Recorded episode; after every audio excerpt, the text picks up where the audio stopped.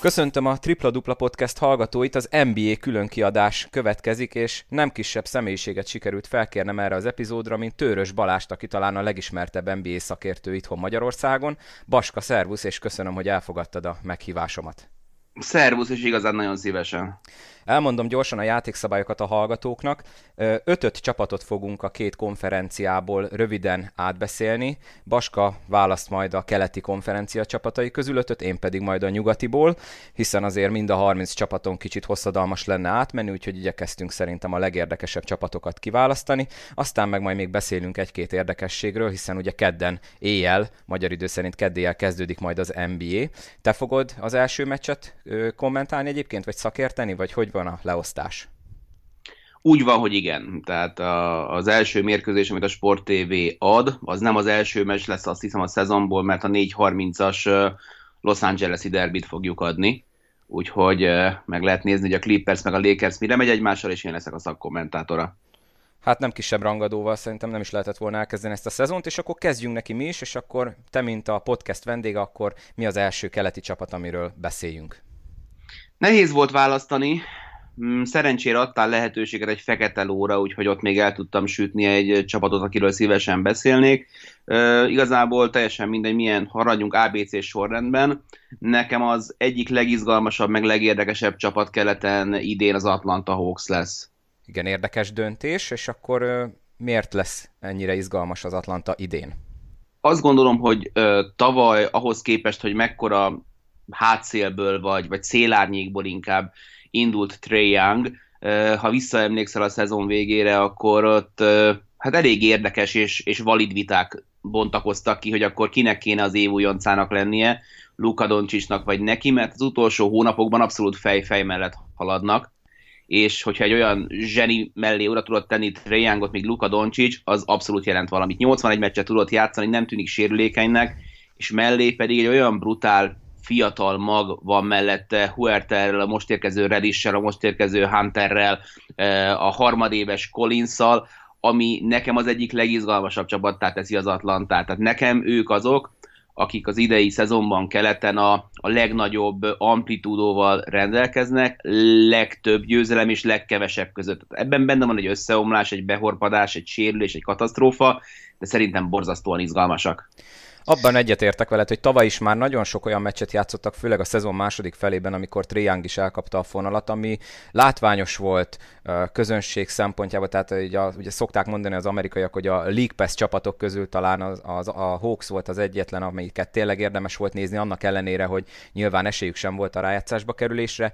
Szép új felújított arénájuk van, és tényleg ö, olyan játékosaik vannak, akik, ha lehet nem is idén, de a közeljövőben biztos, hogy odaérhetnek szerintem is a kelet elejére, úgyhogy szerintem ez egy nagyon jó választás. Akarsz még róluk valamit mondani, vagy akkor ugorhatunk az első nyugati csapatra? Hát szerintem, hogyha ezt a két-három percet szeretnénk tartani, akkor nyugodtan mehetünk Jó. így pingpong. Akkor nyugodtan. én először, lehet, hogy meglepő, de én a Portland Trailblazers-t választottam. Nekem ők régi kedvenceim nyugatról, és igazából amiért szerintem érdekesek lesznek, mert az utóbbi években rendre ott voltak rájátszásban, hol egy kört mentek, hol az első körben kipottyantak, és ugye egy olyan hátvédpárosuk van Lillard és McCollum személyében, akik ugye szerintem liga elit tandemet alkotnak, és akkor az a kérdés, hogy idén eléggé kicserélődött mellettük a csapat, hiszen ugye Harkless és Aminu is elment, illetve Evan Turner, akik alapemberek voltak, illetve szerintem az lesz a nagy kérdés, hogy Enes Kanter, Myers Leonard magas ember duót, a Pogasol Hassan Whiteside duó hogy fogja majd pótolni. Szerinted előreléptek ezzel a cserével, főleg itt Whiteside-ra gondolok, vagy nem lesz ez olyan, mint, nem lesz ez olyan szép év nekik, mint amilyenre esetleg ők számítanak? Azt gondolom, hogy a Portland-del kapcsolatban tisztázni kell az elvárásokat. Hogyha a kérdésed arra vonatkozik, hogy közelebb kerültek-e a bajnoki címhez, akkor lehet, hogy egy tyúk lépéssel igen. De ez a csapat nem lesz bajnok esélyes, de azt hiszem, és ebben Damien Lillard segít nekem, mert, mert az egyik leg, leg, legjobb hozzáállású fejben szerintem az egyik legjobban helyén lévő játékosa ő az NBA-nek, aki azt mondta, hogy ő úgy érzi, hogy teljes pályafutása lesz akkor, ha nem nyer bajnoki címet akkor, akkor is lehet teljes pályafutás, és ez a Portland szerintem egy olyan, olyan kultúrát kezd el kialakítani maga körül, ami egy nagyon piciben, meg miniben, meg, meg kevesebb sikerrel, de modellezi a San Antonioét. Tehát minden évben úgy kezdjük el a szezont, hogy hát a Portland így a hatodik, nyolcadik helyek környékére becsúszhat ezzel a kerektel, és sima harmadikok lesznek, és mindig többet hoznak ki magukból, de, de van egy olyan rossz struktúrájuk, pont ez a Lillard McCallum duó, akik együtt valóban liga elitnek számítanak, viszont a pénztárcát olyan szinten terhelték meg, hogy egy csomó más rossz igazolás miatt nagyon szép éveiket elpazarolta a Portland, hogy igazi bajnok esélyes legyen. Szerintem idén sem lennek azok, lesznek azok, de ez lehet, hogy nem baj, mert hogy ők egy nagyon emlékezetes, kedves, szerethető uh, csapata ennek a, ennek a 2010-es évek második felének, én szeretem az igazolásaikat. Tehát szeretem azt, hogy elhoztak olyan játékosokat, mint Bazemore, vagy Hezonja, de akár még ide tudnám tenni Whiteside-ot is, akinek még az utolsó egy-két éve nem feltétlenül olyan volt a csapataiban, az Atlantában, a New Yorkban, ugye Hezonja esetében, vagy Whiteside-nál a Miami-ban, amivel boldogok, elégedettek lehetnek, és éhesen érkezhetnek. És ebben benne van egy meglepetés, mert nyugaton azért van most egy turbójuk a Warriors miatt. De a nap végén nem, nem tudom, hogy ők lesznek-e azok, akik ezt a lyukat be tudják tölteni, de hogyha nem így lesz, akkor én nem bánom. Nekem volt egy időszak, amikor dühös voltam a Portlandról, hogy nem haladnak, meg nem mennek előre, de igazából meg, hogyha ha ezt a bajnoki címkérdést egy picit elengeded, és azt mondod, hogy játszunk értékes, minőségi kosárlabdát egy jó kultúrában, akkor a Portland meg abszolút példaértékű. És szerinted Whiteside-ra jó hatással lehet az, hogy elkerült Miami-ból? Ö, ugye annak idején J.R. Smith mondta például, hogy Clevelandbe azért jó, mert itt nem kell semmire se figyelni, csak a kosárlabdára, és ilyen szempontból Portland és Miami között azért egy igen jelentős különbség van ő azért az elmúlt évben, években nem azt hozta, amit előzetesen így ö, gondoltak róla. Ugye megkapta a nagy szerződését Miami-ban, és kicsit így Waitershez hasonlóan azért úgy bele ö, szürkült úgymond a mezőnybe. Igen, nagyon érdekes, hogy egy ember milyen, milyen háttérrel, meg milyen múltal érkezik be egy nagy szerződésbe. Tehát van, aki, aki egész életében erre készül, és, és, és, és jó helyen draftolják, és épít valamit, és, és ezt tudja is kezelni. Whiteside esetében azért ez egy nagyon, nagyon nem tudom, csípkerózsik a sztori volt, hogy ő becsöppent, nem tudom hány csapat után, és, és király lett Miami-ban, és ja, nem tudta lekezelni fejben.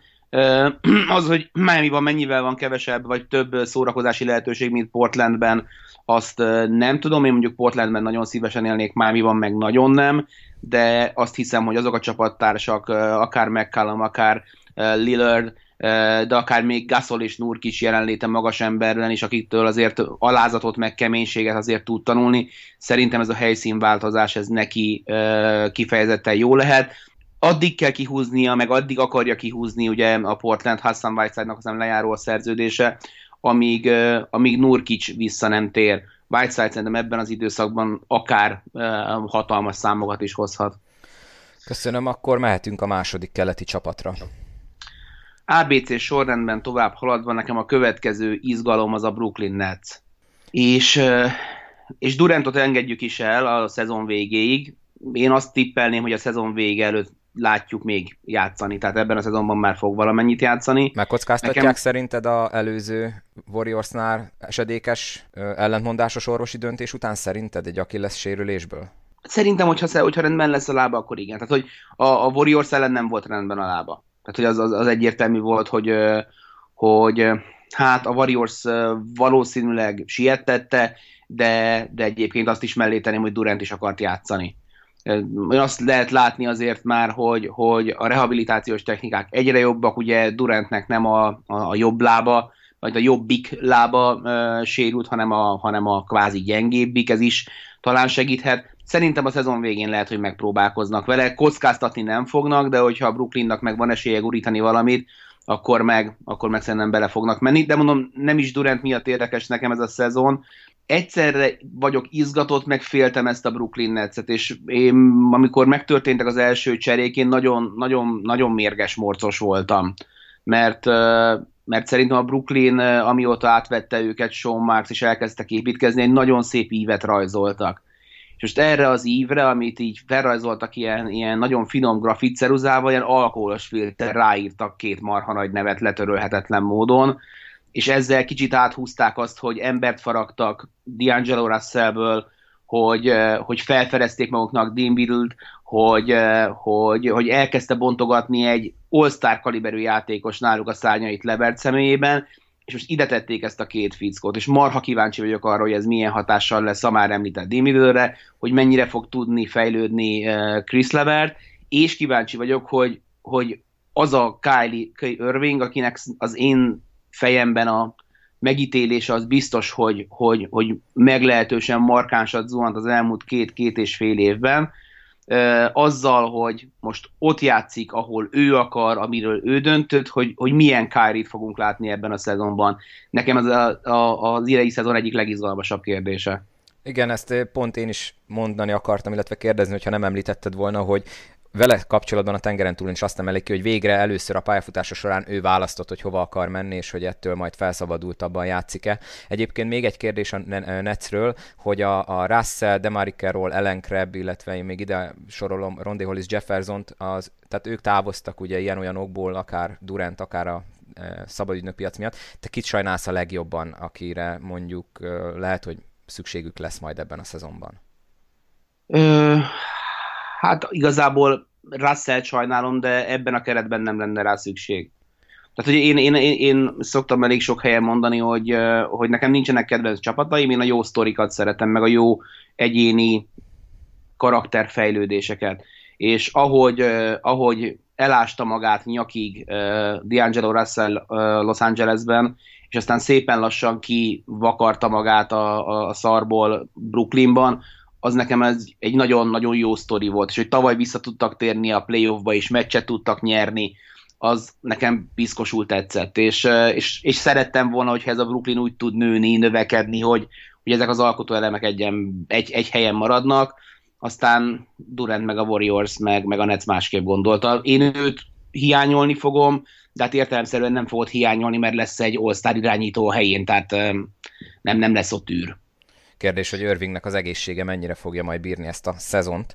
Oké, akkor engedelmeddel mondom a második nyugati csapatot. Én a Dallas Mavericks-et választottam, és hát szerintem aki követte a nyári dolgokat, annak ez nem meglepetés. Nagyon kíváncsi leszek, hogy a Porzingis, Luka Doncic duó mire fog menni.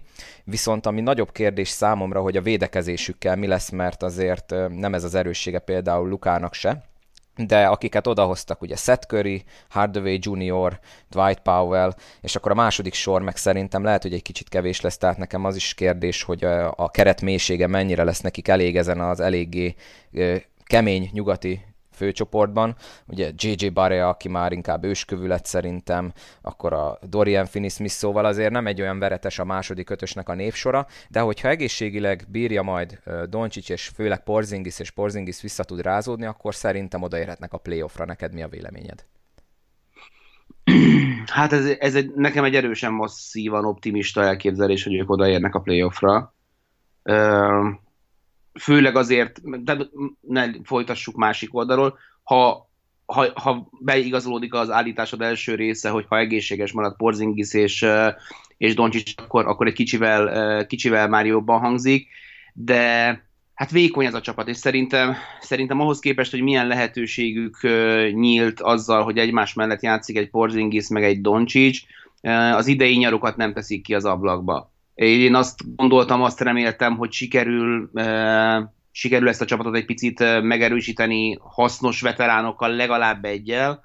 Ez, ez egyelőre nem következett be. És ennek vannak okai, mint hogy Tim Hardaway azért idén még egy 20 millió dolláros szerződéssel fog játszani, mert szerintem egész elképesztő, amikor így belegondolsz, hogy, hogy amit mutatott az elmúlt években az NBA-ben, és mellé kéne tenned így vakon egy számot, hogy mennyi áll a, a, a csekjén, akkor szerintem nem ezt a, nem ezt a számot lövöd be. Talán Én nagyon... a, bocsánat, talán Cadwell Pope még az ilyen ő mellette, aki indoklatlanul sokat keres, illetve keresett az elmúlt években. Igen, de, de, ő mégiscsak talán 12-t, tehát hogy nem 20-at. Most nekem valahogy így van meg Cadwell Igen, erre a szezonra már csak 12, de azt hiszem előző szezonban 20 millióval volt Amikor a, a Lakersnél akkor minden mindegy volt, mert hogy az a, az, az év az elvileg a kutyák élet volna a, a, amikor ezt a, ezt a nagy szerződést megkapta. A Dallasnál ez a két játékos az egészen elképesztő. Én nagyon szeretem a kiegészítő embereiket is, tehát nagyon szeretem Maxi Kleber, nagyon várom, hogy Justin Jackson tud-e a Sacramento-ból egy teljes Mavericks szezonban többet mutatni. Örülök, hogy Seth Currynek most hosszú évekre megoldottak a problémái. Egy csomó dolog tök oké, okay, csak nem szabad elfelejteni azt, hogy, hogy a hosszú távra tervezés az NBA-ben gyakorlatilag megszűnt. Azzal, hogy rövidülnek a szerződések, és azzal, hogy a játékosok egyre inkább maguk kezébe akarják venni az irányítást, minden egyes évben bizonyítanod kell azt Doncsisnak is, meg Porzingisnak is, hogy a csillagot is lehozod az égről, és valahogy a Dallas az elmúlt öt évben talán, de lehet, hogy még messzebb kéne visszamenned, nem képes lehozni a csillagot az égről, hiába adott egy bőkezű, gáláns, nem tudom milyen tulajdonos, a liga legjobb feltételei kb. a Mavericksben, és nem tudnak elhozni tisztességes free agentet. És hogy ez szerintem, ez szerintem probléma lesz náluk, mert, mert Doncsicsnál is, meg Porzingisnél is azért az óra az, az valamennyire ketyegni fog. Ugye Porzingis kimaxolta magát, de, de hát Doncsicsal foglalkozni kell majd. Rendben, akkor mehetünk a következő keleti csapatra. Na de jó lenne, ha ismerném az ABC-t, I. Indiana Pacers. Jó választás, érdekes csapat lesz. Igen, az Indiana Pacers, akiket most igazából az idő rövidsége miatt sok szempontból lehetne őket választani, de engem egy dolog érdekel viszont az borzasztóan, hogy azzal, hogy kikerült Thaddeus Young a képből, minden jel arra mutat, hogy Sabonis bekerül a kezdőbe. És, és hogy ez a két játékos, Sabonis és Turner, hogyan fog tudni együtt játszani, és képesek lesznek-e az egy meg egyből legalább kettőt kihozni, de inkább kettő és felett. Mert hogyha nem, akkor egy idő után majd döntést kell hozni, és ez lehet, hogy az idei szezon után van, mert Miles Turner ki van tömve a következő négy évre 18-18 millió dollárokkal, de Sabonisnak most jár le az újon szerződése. Tehát, hogy ő, hogy mit fog kihozni ebből a szezonból, az szerintem piszok érdekes lesz illetve kíváncsi vagyok arra, hogy, hogy Brogdon, akit szerintem hatalmas hiba volt elengedni Milwaukee-ból, mennyire fogja tudni megállni a helyét, főleg a sérülésekkel. Én nagyon szeretem a cseréjét, TJ McConnell nekem az egyik kedvenc fili játékosom volt, egy szuper hajtós, szuper kemény srác. Aki nekem így kérdéses, ez a, az új érkezők ez a Lamb Warren duo, hogy ők mire lesznek képesek. Tök jó fiszerződéseik vannak, 10 millió dollárokat keresnek, de, de valahogy Jeremy Lamből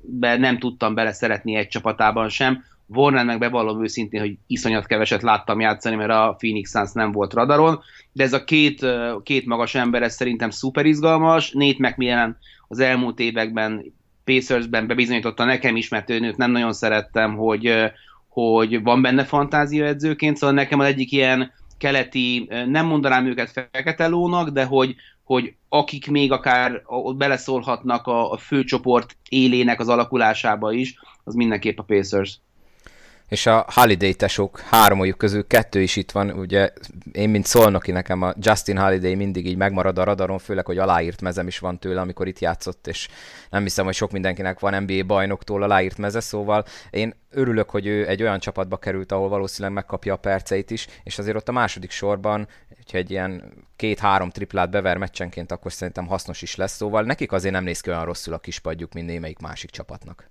Nem, ez egy okos, okosan összerakott csapat. Mondom, hogyha, hogyha Lemb és Warren hozza a, a, az átlagos vagy annál jobbat, akkor, akkor azt hiszem, hogy ennek a csapatnak például a védekezésével kevés gondja lehet. Ugye ne felejtsük el, hogy, hogy ketyeg az óra, és Viktor Oladipo már ötöt ellen edz, úgyhogy hamarosan valamikor, nem tudom, látni fogjuk, most éppen azt írják róla, hogy, hogy késő november mondjuk legyen ez a télapóra, Mikulásra, azért az se rossz.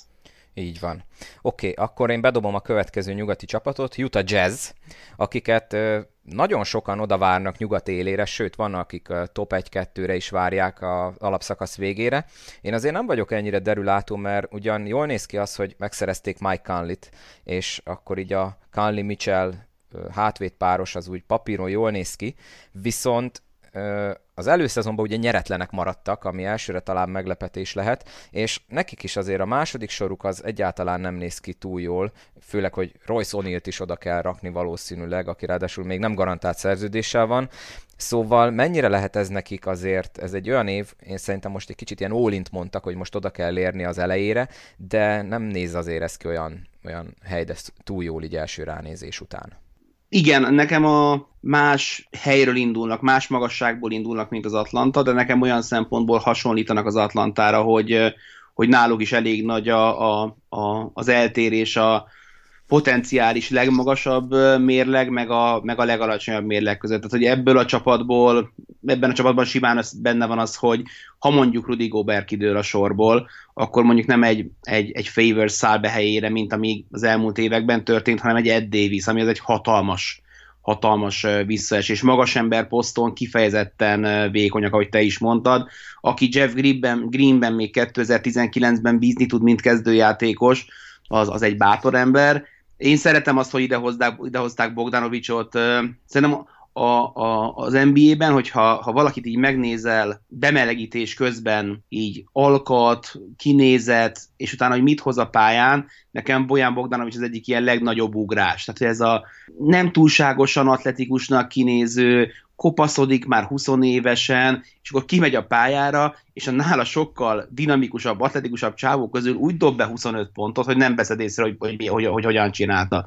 Én Ingoszt is nagyon szeretem, aki neki a párja ebben, tehát ő, ő lenne volna a másik, akit mondom, ugye a, a, a könyvelő fejével, és, ez, és én imádom a, a jazznek az edzőjét, Queen Snyder-t, aki meg egy ilyen pszichopata sorozatgyilkos fejjel ott járkál fel alá az oldalvonalon, ez talán lehet, ugye őt is most hosszabbították meg, ez talán lehet egy, egy esély a jazz számára, hogy, hogy ebből a vékonyabb keretből is ki tudnak hozni valamit. Ha egészségesek maradnának, ennyi emberrel lehet gondot okozni a rájátszásban. Csak azért a tavalyi, tavalyi, tavalyi playoff is elég jó indikátor volt arra, hogy nem nagyon tudott csapat odaérni teljesen egészségesen. Aki nekem nagyon nagy kérdés, hogy, hogy a harmadik éve hogyan fog sikerülni, az Donovan Mitchell. Mert hogy elképesztő a potenciál benne, talán tavaly túl sok volt rajta az elvárás, de, és mivel nem fogunk beszélni róla, így Tatum, aki a másik, aki olyan szóba kerül, hogy, hogy ez a harmadik éve szerintem mind a kettejüknél nagyon fontos lesz, hogy, hogy, hogy stabilizálják magukat, hogy az angol azt mondja, hogy ilyen establish himself egy, egy, egy jó játékosként, hogy megmutassa és, és felrakja magát tartósan az NBA térképére, úgyhogy nem viseli, nem kockázatmentes a döntés, amit hozott a Utah, de, de kellett nekik kintre tűzerő, és ezt most így tudták összehozni. Szerintem Mitchellnek idén sokkal könnyebb dolga lesz, hiszen azért Rubiót Mike Conley váltotta, aki egyrészt védekezésbe hozza bőven azt a szintet, mint Rubio, de támadásba sokkal nagyobb figyelmet fog szerintem magára vonni, illetve Bogdanovics és Ingles is nagyon jól tüzelkintről, és tavaly még nagyon sokszor Mitchell volt az egyetlen kvázi pontfelelős, aki aki próbált egyedül pontokat termelni, szerintem azért idén ez látványosan ki fog ütközni, hogy sokkal jobb társak vannak mellette, és szerintem több tere lesz emiatt. Én legyen így, mondom, nekem, nekem a, a az, hogy, az, hogy, az, hogy 0-4-jel végeztek NBA csapatok ellen az alapszakaszban, azt én pont magasról letoljom. Tehát, hogy az első egy-két hete a szezonnak az mert legyen a kutyáké, nyugaton azért kevesebb helye van az embernek milyen rosszabb szakaszokat futni, mert amikor a szezon végén három meccs dönt mondjuk a harmadik meg a nyolcadik kiemelés között, akkor azért nem nagyon lehet soha se levenni a lábadat a gázpedálról, de a, a jutának van ideje belelendülni, főleg azért, mert azért több nyugati vetélytárs is úgy indul, hogy egy-két játékos mínuszban, tehát hogy meg mindenhol gyakorlatilag új arcoknak kell összeszokni, úgyhogy lesz erre idejük. Oké, okay, akkor jöhet a következő keleti csapat. Az utolsó előtti keleti csapatom ABC sorrendben a Milwaukee Bucks. Igen, az a Bucks, amelyik ugye tavaly a nagy döntőbe ugyan nem ért oda, de már tavaly is bőven ott voltak a keleti élen, és idén is mindenki ugyanezt várja tőlük, ha nem többet. Egyfelől igen, másfelől meg ahogy elkezdett ott a, a, a, az alap, alap, alap repedezni, meg ahogy végül ők kiestek, azért azt mutatta, hogy ennek a csapatnak a, amikor megy, meg amikor nem kell rájuk felkészülni, akkor nagyon könnyű nagy arányú győzelmeket aratni, de nagyon tisztán megmutatták az ellenfelek, hogy hogyan lehet Janniszt semlegesíteni, és akkor bizony elfogyott a tudomány, és az látszott, hogy azért Budenholzer is az első szezonban inkább arra fektette a hangsúlyt, hogy őt hogyan lehessen kimaxolni, úgyhogy kíváncsi vagyok arra, hogy mit változtatnak struktúrában, kíváncsi vagyok arra, hogy Jannis a rövid nyár alatt, mert ugye a világbajnokságon volt egy nem túl sikeres köre a görög válogatottal, mit tudott hozzátenni a játékához. Én nagyon-nagyon nem értek egyet azzal, hogy tavaly szerintem ideje korán meghosszabbították Erik Bledsoe-t, viszont elengedték Malcolm Brogdomot, és kíváncsi vagyok arra, hogy kik lesznek azok majd a, a kettes poszton, akik hozzá tudnak majd tenni ebből a Matthews, DiVincenzo, uh, Sterling Brown trióból, úgyhogy nekem rengeteg kérdés van velük kapcsolatban, hogy, hogy, hogy tudnak-e majd szintet lépni. Amilyen szépen épült ez a Milwaukee Bucks, szerintem most van egy döccenés, és van egy ilyen lélegzetvétel, és szerintem sokan várják azt, hogy, hogy innen milyen irányba indulnak tovább. Egy gondolat hozzájuk ezt a Bledsoe hosszabbítást annak idején én se értettem, főleg, hogy ő az, aki általában mindig a rájátszásban vesz vissza eléggé erőteljesen a tempóból és a teljesítményből, és pont, hogy rájátszás előtt hosszabbították meg őt is, és ha jól emlékszem, ilyen 90 millió körül kapott, Malcolm Brogdon pedig 85 ér ment el négy évre a Pacershez, úgyhogy nem igazán értem, hogy miért döntöttek Bledsoe mellett, hiszen ugye Brogdon fiatalabb is, hát én szerintem már most is mondhatjuk, hogy ez egy rossz döntés volt, de aztán ne legyen igazam. De kíváncsi leszek én is, hogy tudnak-e szintet lépni és odaérni esetleg idén, bár eléggé komoly konkurenciája lett most a Bucksnak azért keleten, szerintem.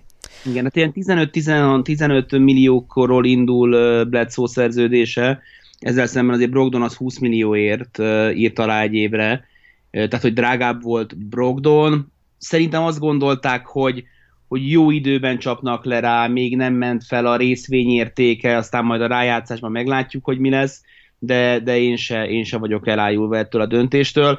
Mondom úgy, hogy, hogy azért az NBA-ben meg, meg egyre jobban ütik fel a fejüket azok a hírek, hogy, hogy, hogy, hogy Jannis nem tole majd egy, egy, egy Anthony Davis-t, és, és amikor a szerződése lejár, akkor nem mondja azt, hogy srácok, akkor most köszönöm szépen, de, de tovább állnék. Igen, ez is egy érdekes kérdés lesz a jövőben. Mondom én az utolsó előtti nyugati csapatomat, és lehet, hogy egy kicsit ilyen túl mainstream lesz, de én a két Los Angeles-i csapatról még mindenképp szeretnék beszélni, és akkor kezdjük a clippers akik ugye a Paul George Kawhi Leonard duót szerezték meg többek között, ez volt a nyár egyik legizgalmasabb része, és azt a részét meghagynám neked majd a, a sportévés meccsre, hogy ezt a dolgokat kielemezd. Én arról szeretném megkérdezni a véleményedet, hogy mennyire volt ez, és akkor kapcsoljuk össze kicsit a lakers hogy Kawai ugye nagyon sokáig kivárta a free agent piac nyitás, akkor ő nem köteleződött el rögtön, hanem azt hiszem több mint egy hetet várt.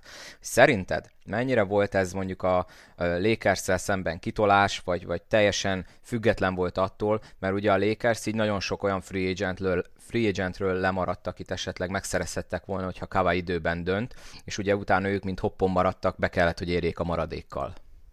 Hú, erre a kérdésre nehéz röviden válaszolni. Én azt gondolom, hogy a úgynevezett tempering, tehát ez a játékosok túlkorai megkörnyékezése, szerződés hosszabbítással hatalmas probléma az NBA-ben.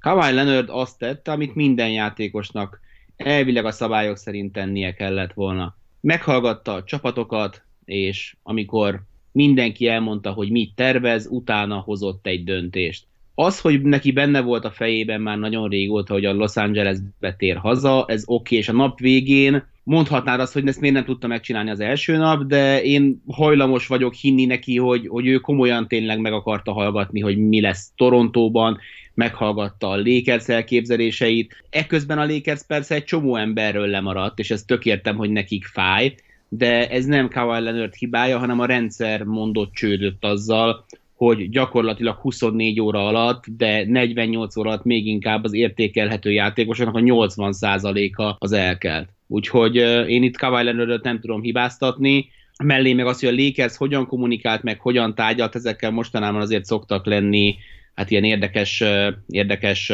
észrevételek, hogy, hogy nem biztos, hogy mindig megfelelően választanak kommunikációs stílust. Nem tudom, hogy mennyire volt ez benne, meg hogy mennyire akarták megfingatni uh, Kawhi Leonardék a Lakers, de, de ennek tényleg így kéne zajlani. Én nagyon szeretném, hogyha valami olyasmi tudna történni, hogy, hogy nem tudom, július 1-től lehet tárgyalni, és mondjuk 7-től lehet szerződést aláírni, és akkor mindenki járhassa végig az összes csapatát, aztán szabaduljon el a pokol, de hogy az, az nem, nem, nem létező szituáció, hogy három óra alatt aláírsz valahova, amikor lehet. Tehát ez olyan szinten van előkészítve, lepicselve neked, hogy mi fog történni, hogy, hogy ez egy olyan nyilvánvaló lyuka az NBA rendszerén, amit be kell tömni. Hát reméljük majd Silver erre is kitalál valamit, mert tényleg még el se szokott kezdődni hivatalosan a free agent periódus, amikor már kint vannak ugye Vozsnak vagy Semsnek a tweetjei, hogy ki hova fog aláírni két óra múlva, szóval ez teljesen nyilvánvaló, hogy egy nagyon előzetesen háttérben már megbeszélt dolgok vannak, és hát amelyik csapat be akarja tartani a szabályokat,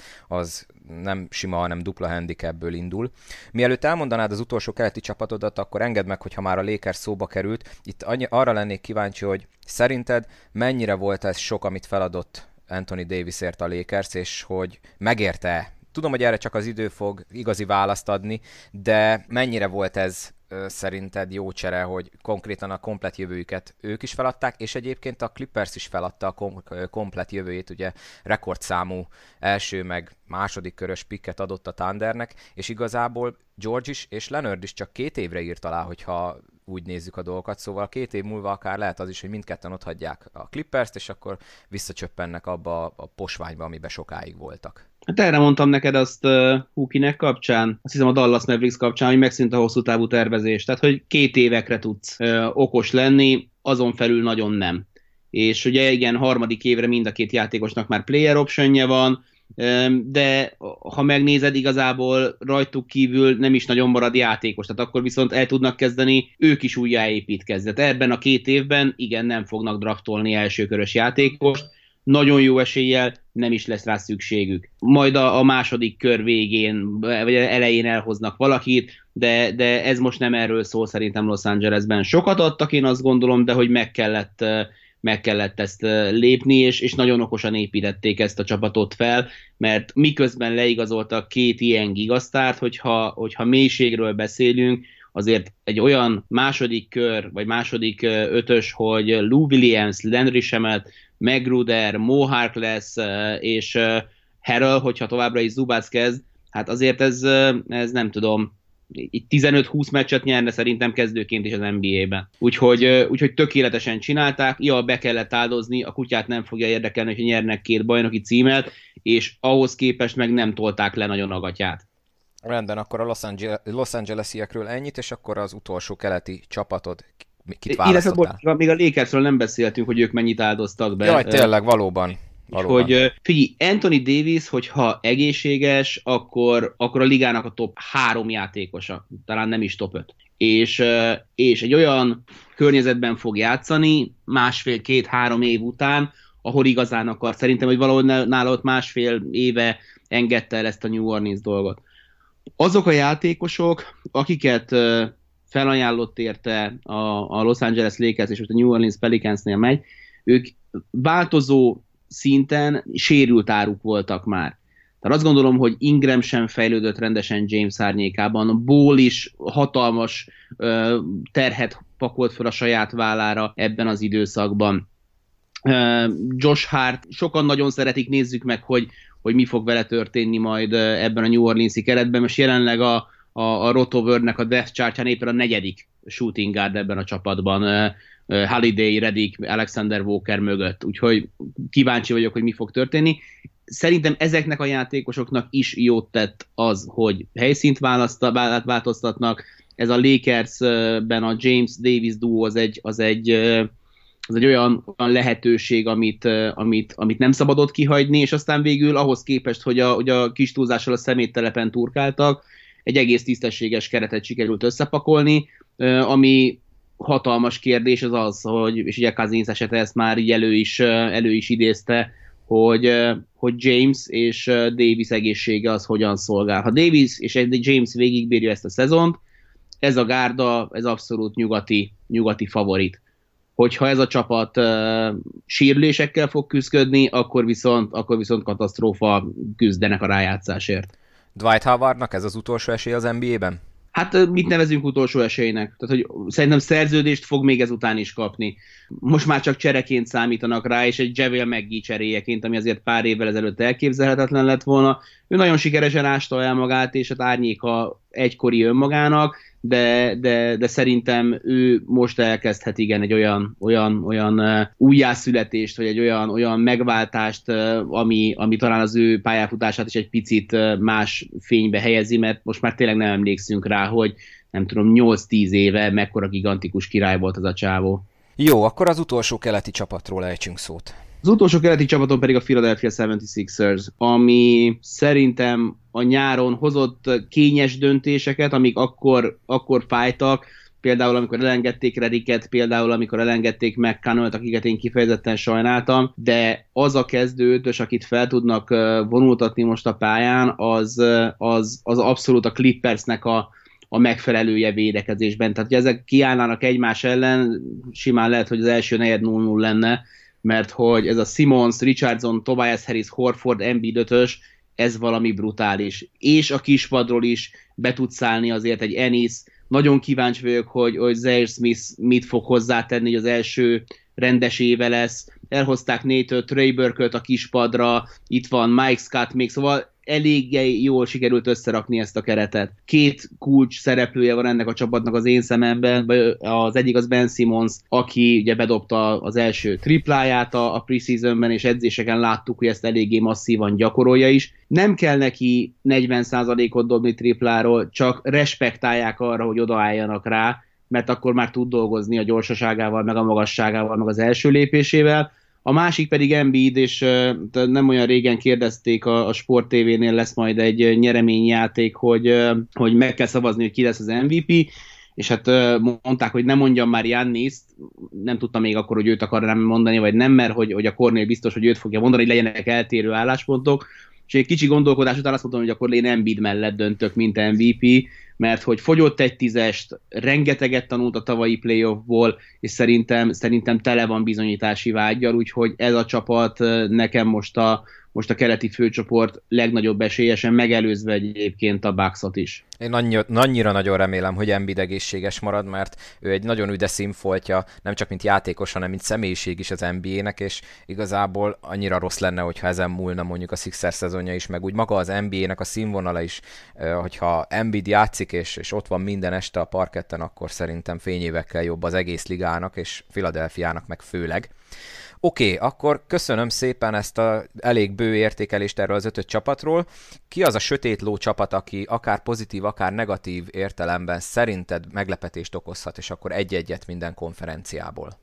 Én itt is a kelettel készültem, de találunk egyet majd nyugatra is. Én keleten az Orlando Magic-et hoztam, ahol, ahol me- megint csak az Atlanta példáját tudnám hozni, vagy talán a Utah-ét hoztuk nyugatról, hogy hogy ebben benne van az is, hogy, hogy csalódást keltő szezonjuk lesz, de, de a már magát bizonyító Fournier, Gordon, Vucevic trió mellé idén mindenki azt várja, és én is melléjük állok, hogy Jonathan Isaacnek bomba szezonja lesz, meglátjuk, hogy, hogy mi lesz majd irányító poszton, mert ugye oda tettek mindent a feketére, Markel Fulccal, és hát láttuk róla is videókat nyáron, hogy a dobása az valahogy kinéz már, egy egy per egyesről beszélünk, ugye ne felejtsük el, Szóval ott, ott, ott elég, eléggé, eléggé nagy upside-ot látok, hogy, hogy ők meglepetést tudjanak okozni. Oké, okay. nyugatról? Most így hirtelen akkor, hogyha mert én egyébként mondok egyet, hogyha szeretnéd, hogy én kire gondoltam. Én nekem Jó, a... mondjuk háromra. Oké, okay, egy, egy, kettő, kettő három. Há... Denver Nuggets. Oké, okay, akkor először... A fekete lónak gondolod? Igen, hát én ő... azért gondolom fekete lónak, én negatív szempontból gondolom fekete Aha, lónak. Okay. Tehát Így nyilvánvaló, hogy tavaly jól szerepeltek, idén is jól fognak szerepelni, főleg ha egészségesek maradnak, és akkor ott van még Porter, aki ugye egy iszonyatosan nagy tehetség volt egyetemen, csak ugye volt neki a súlyos gerinc sérülése, műtétekkel, stb. És egyelőre az előszezon alapján egészséges, jó formában van vele, nagyon nagyot nyerhet a Nuggets. Nekem viszont egy kicsit így pont emiatt, hogy nagyon rá vannak utalva az egészségre, meg úgy egyébként is elég nehéz a nyugati főcsoport. Nekem van egy olyan félelmem, hogy nagy csalódást fognak okozni. Rájátszásba szerintem be fognak jutni, de hogy ott ö, esetleg tudnak-e akár kört is nyerni, én nekem én azért akartam őről így megemlékezni, mert nekem nagyon nagy a félsz, hogy, hogy ők nagy csalódást fognak okozni ebbe a szezonba. Hmm, szerintem ők az a csapat, akik, akik, akik papíron mindig rosszabbul néznek ki. de, de hogyha viszont megnézem azt, hogy ott van továbbra is Jokic, aki, akinek a kondicionális kérdései azok lassan elkezdenek azért azt gondolom, hogy hangsúlyosak lenni. Tehát, hogy, hogy, a, hogy, a, hogy a fickón nagyítóval nem találsz izomtónust, és nem tudom, hogy ilyen ránézésre ilyen 12-13 százalékos testzír százalékkal akar az NBA-ben játszani, megint 82 meccset, az nagyon érdekes, de, de ezek a kis emberek azért Murray, Montemoris, Jenny, Harris, Barton, Beasley, tehát olyan, most a, a, megyek végig a depth chartjukon, és az első öt játékos, akit elolvastam, az mind kezdőszintű játékos lehetne bizonyos csapatokban. Odahozták Jeremy Grantet, aki az egyik legrobbanékonyabb, legatletikusabb a, a, a posztján, egy nevetségesen jó szerződéssel, úgyhogy én őket, az, hogy a rájátszásért küzdenek, azt nem látom magam előtt. Az, hogy ez kevés lesz mondjuk egy döntőhöz, azt látom, de, de szerintem nekik, nekik a, a, hát kvázi az átlagos elvárás az... az, az, az Legalább egy második talán, kör minimum. Egy kör az szerintem a, a, az, az, az, az átlag elvárás alja, a főcsoport döntőben való részvétel az átlag elvárásnak a nem tudom, teteje, ami e fölött van, az már átlagon felüli lenne, hogyha ott kikapnak. Én a Denvertől nem félek, én a Sacramento-tól várom azt, hogy, hogy az edzőváltással állokkolódik pár eddig, eddig blokkolt értékű, gondolok itt például Mervin Beglire, aki, aki tavaly úgy volt, tehát ilyen pontszerzésben is, meg pattanóban is, meg egy csomó ilyen kulcsmutatóban negyedik, meg ötödik az újoncok között, hogy játékidőben tizedik volt, mert hogy Jéger egyszerűen nem szerette az újoncait játszatni, most jön Volton, nem is újonc már, úgyhogy hoztak egy Dwayne Dead, akit én kifejezetten szeretek a, a, a palánk alá, De'Aaron Fox egy, egy, egy ketyegő all-star bomba, talán már idén is bekerülhet, uh, Hild Bogdanovics duóját nagyon szeretem, szóval az egész Sacramento szerintem uh, mióta egyébként, és emlékszel talán, amikor elengedték Demarcus Cousins-t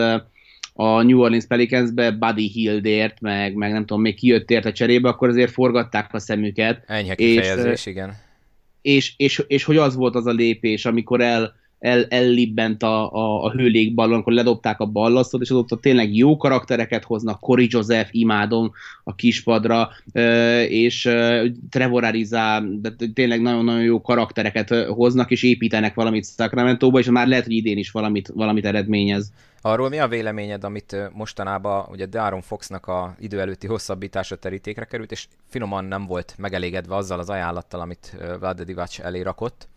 Ez szerinted lehet esetleg egy kicsit negatívan befolyásoló tényező, vagy ez csak a ilyenkor szokásos ilyen méregetés, hogy, hogy én ennél többet érek, a GM meg mondja, hogy te meg nem, vagy előbb hát a pályán? Korán van még, azt gondolom, hogy, hogy Divac megpróbált jó, jó üzletet kötni, és uh, annyira talán nem volt pofátlan, hogy, hogy ezzel elvágja magát Foxnál, de, de, de én ezt most még nem, nem, nem, nem tartom annyira kritikusnak. Ugye a harmadik év azért, azért az ő szempontjából is fontos lesz, mert oké, okay, hogy nagyon gyors vagy, meg oké, okay, hogy, hogy, hogy ilyen transzcendens, ahogy amikor, amikor rohansz a pályán, de ennek a Sacramento-nak meg kéne tanulni a félpályán játszani, és meg kéne tanulni ezt a félpályát Diaron Foxnak irányítani, és egy kicsit tudom, hogy hülyeségnek hangzik talán, hogy önzőbbnek lennie, de hogy, hogy Foxnál tényleg azért az egy picit néha probléma, hogy nem vállal el elég dobást, és nem kerül elégszer a büntetővonalra. Ez a Diaron Fox lehet, hogy még nem szupermaxos játékos, még akkor is, hogyha nem is köthet most még szupermaxot, ugye, mert újonc, de hogy, hogy nem max fizetésű játékos, lehet, hogy ezzel akarja nem tudom, motiválni Divác, hogyha, hogyha nagy számot akarod, akkor bizony még ebben és ebben fejlődj. Zion Williamson ugye torony magasan esélyes az év újonca címre. Ki lehet az, aki ellophatja tőle a sót nagyon röviden? Nagyon röviden nem ő lesz az év újonca, és nem is lesz benne talán a top 3-ban. Akit én nagyon várok éres meccsen, és mindig meg fogok nézni, amikor lesz alkalom, az Tyler Herro a, a Miami Heatből. Imádom a fazont. Ezt most muszáj megkérdeznem, hogy mi miatt nem várott top 3-ba se Zion-t? Sérülés miatt? Nem, nem, nem, bocsánat, Tyler Herrot nem várom, tehát hogy ja, nem ő lesz az év újonca, és valószínűleg Williamson, Moret, Morant és, és Barrett lesz a top 3, de hogy aki ellopja a sót, és nagyon örültem, hogy ezt írtad, amikor megírtad, hogy miről beszéljünk, az szerintem Herro lesz, akinek lesz nagyon sok olyan meccs ez alatt, azt értem, hogy 5 és 10 között, amikor, amikor ő lesz a legnagyobb király. Ez egy nagyon jó választás, én is Herróra gondoltam, főleg itt, amit a végén csinált a az előszezonban, illetve én még egy kicsit Cam Reddistől is sokat várok, én őt sokkal jobban szerettem a Gyúkon, mint például RJ Barrettet, akitől egyáltalán nem vagyok elájulva, meg a játékstílusa se tetszik nekem annyira. Szerintem ő pont jó helyen lesz ott New Yorkba, bele fog illeni abba a közegbe. Én a Redistől sokkal többet várok, szerintem őt a Gyúkon sem használták olyan jól, mint ahogy lehetett volna. És ennek... Hát aztán megfigyeld, mert lehet, hogy, hogy Williamson se fog szóba kerülni, ugye már sérüléssel kezdi a szezont, azért az aggasztó. Igen, igen, ez is lett volna a következő kérdésem, hogy igazából nem nagyon volt ennek előjele, játszott az előszezon meccseken, nagyon jól játszott, és akkor az utolsó előszezon meccs előtt kiírták, hogy knee soreness, tehát sima tértfájdalomra hivatkozva, hogy kiüli a meccset, és akkor rá egy napra jött a, a hír, hogy heteket ki fog hagyni. És azért ez így finoman fogalmazva szemráncolós, illetve hát New Orleansba tudjuk jól, hogy ott valamit nagyon nem jól csinálnak, mert mindenki megsérül, hosszú időre sérül, ugye Zion-tól is, őt is óvaintették át, hogy a New Orleansban vagy valami gond van az orvosi stábbal, vagy nem jó a levegő, vagy a sokkaja, nem tudni. Ez lehet egy olyan év, mint a No Embiiddel volt, hogy annyira keveset fog játszani sérülések miatt, hogy mondjuk emiatt nem ő lesz az év újonca? Hát Embiid nem is játszott az első szezonjában konkrétan szerintem. Hát, hogy ő az egészet kiülte, úgy, ahogy van. Ő De... arra gondolok, hogy amikor már játszott, ugye ja, akkor amikor, volt amikor az, hogy azt hiszem 30 meccset tudott játszani, ugye az alatt teljesen top számokat rakott le, csak ugye ezen vitatkoztak Igen, Amerikában, hogy ekkora... Ez már a második éve volt. van, hogy ennyi meccsel ugye nem lehetett volna őt megszavazni év újoncának, mert ugye hogy annyira keveset játszott arányaiban. Én ezt látom egyébként Zionnak egyedül, hogy ne ő legyen az év újonca, hogyha a, az oldalvonal mellé kényszerítik a sérülések. Mert egyébként meg amit csinál, és amit mondtak róla, hogy nem fogja tudni ezt a játékot játszani, mint amit egyetemen, hát egyelőre pont ugyanazt csinálja, mint egyetemen, és ugyanúgy NBA játékosok ellen is megszerzi, megszerzi a 20 pontjait a festékből ráadásul. Abszolút egyetértek veled, készen van az NBA-re, de az, hogy a nyári ligában is sérülés miatt már ki kellett hagyni a meccseket, az, hogy most megint, és, és ez nem egyetem ebből a szempontból, itt minden héten négy meccsed van, vagy öt. Tehát, hogy ezt a sorozat terhelést, hogyha nem fogja bírni a térde, akkor, akkor nem tudom, hogy mire lehet számítani. Nem fognám én ezt rá a, a New Orleans orvosi stábjára, most így nem tudom, három-négy hét után nem tudom, mit tudnának rajta elszúrni.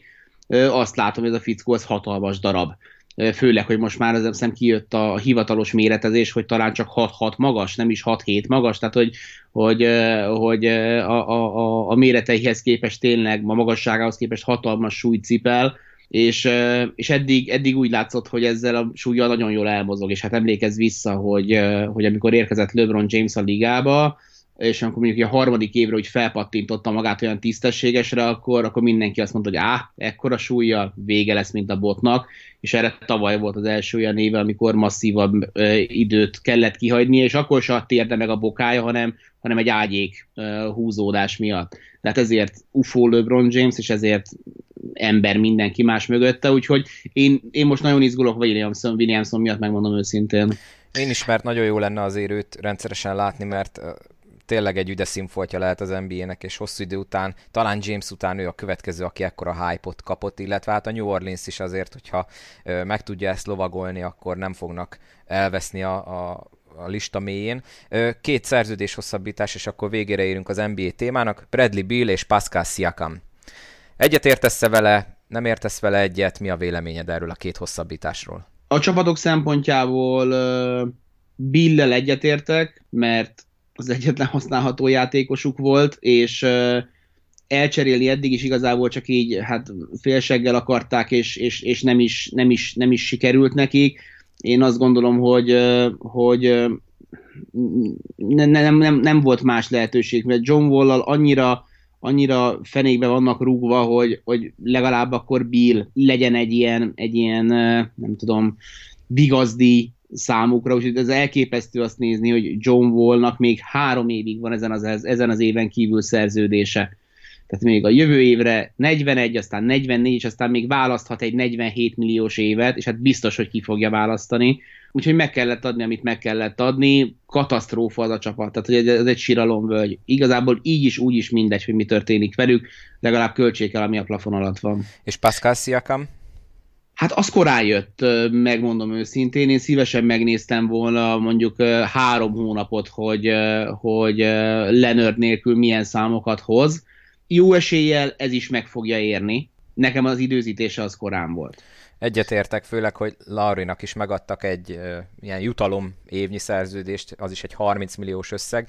Azért ugye Siakam nem olyan régóta van a ligába, tavaly ő lett a legtöbbet fejlődött játékos, ha jól emlékszem, de azért azt és Masai Ujiri-re szerintem ez eddig nem volt jellemző, hogy kapkodna, én ezt most egy kicsit kapkodósnak érzem, talán így a Leonard elvesztése miatti sokból ezzel akart így kilábalni, de azért, amit mondtál, hogy egy pár hónapot illet volna vele várni, hogy megnézzük, hogy tud-e vezére lenni egy olyan csapatnak, ahol Leonard nem azért nincsen, mert éppen load managementelik, hanem mert, mert elment onnan, szóval ez, ez, ez ez egy kicsit ilyen kapkodós szerintem, aztán majd meglátjuk. Lehet, hogy úgy voltak vele, hogy a piacról úgyse fognak tudni nagy nevű free agentet szerezni, főleg, hogy a jövő évi felhozatal nem is olyan komoly, de hát nem tudom, ez kicsit olyan korai érződik. Korai hát ilyen szerint ugye nagyon kitolt az élet, azért az nem is a, a Lakers volt, hanem a Toronto Raptors, a Kawhi Leonard kivárása miatt. Igen. Ez, örülök, akkor nem beszéltünk. Nekik ez az évük, ez, ez, ez ilyen szempontból egy kísérletezés, nagyon hamar letették a voksot valóban Pascal Siakam mellett, aztán majd meg kell nézni, hogy például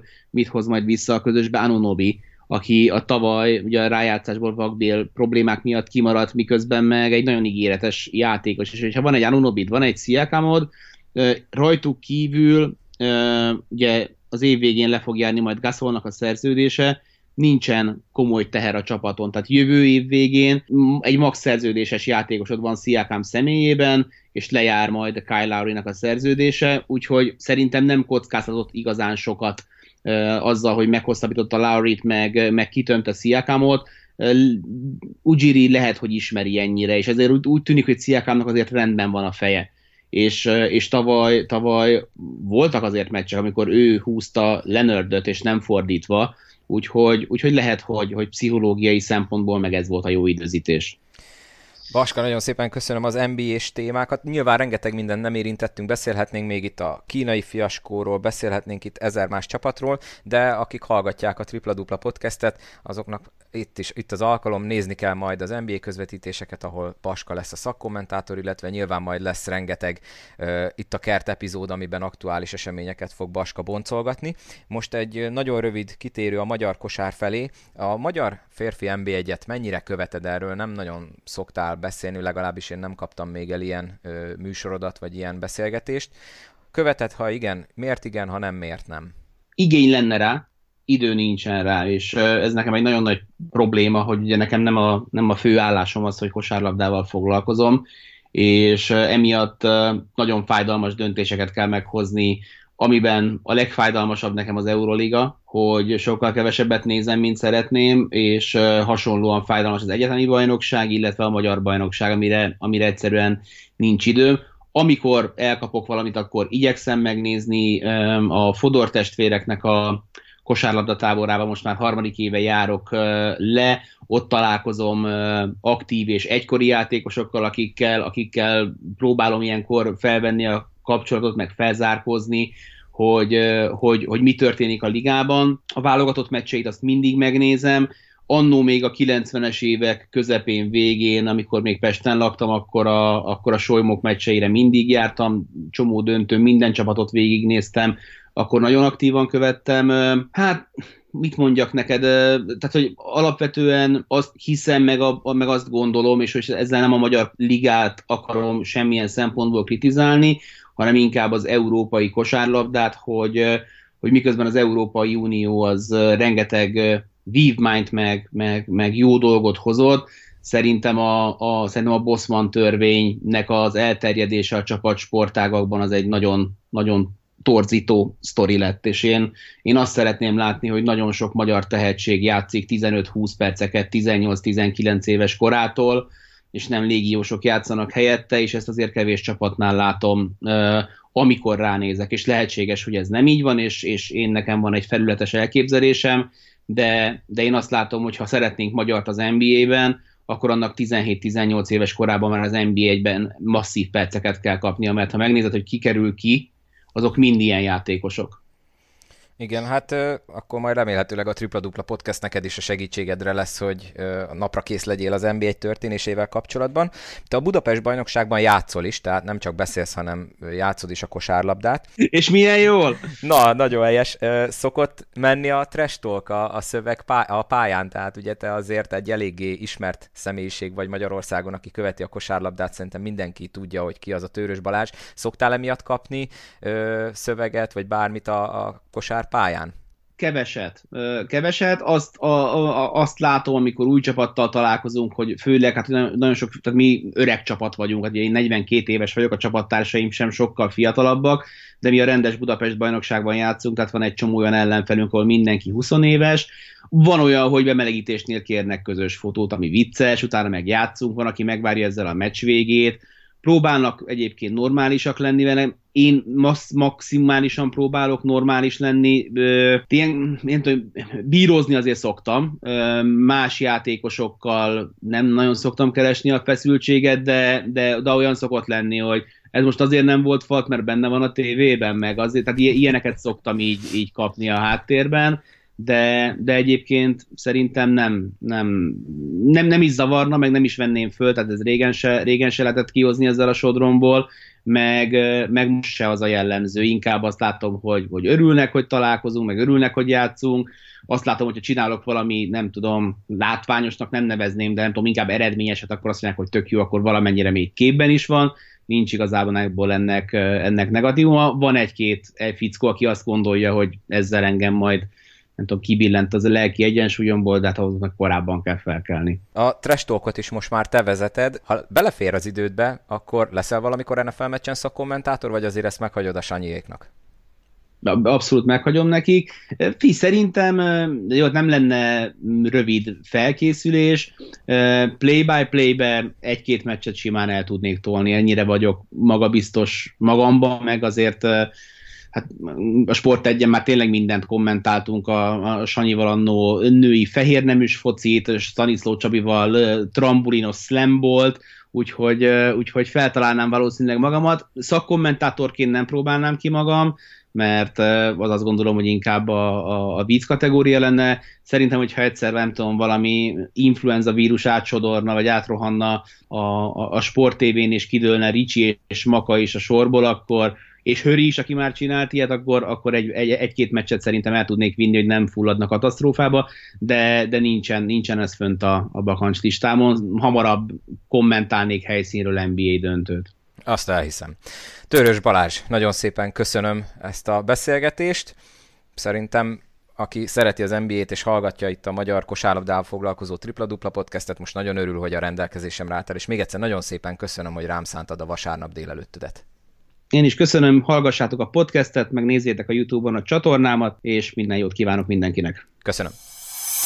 Ez volt a Tripla Dupla Podcast NBA különkiadása. Köszönöm szépen ezúton is Tőrös Balázsnak, Baskának, hogy a rendelkezésemre állt.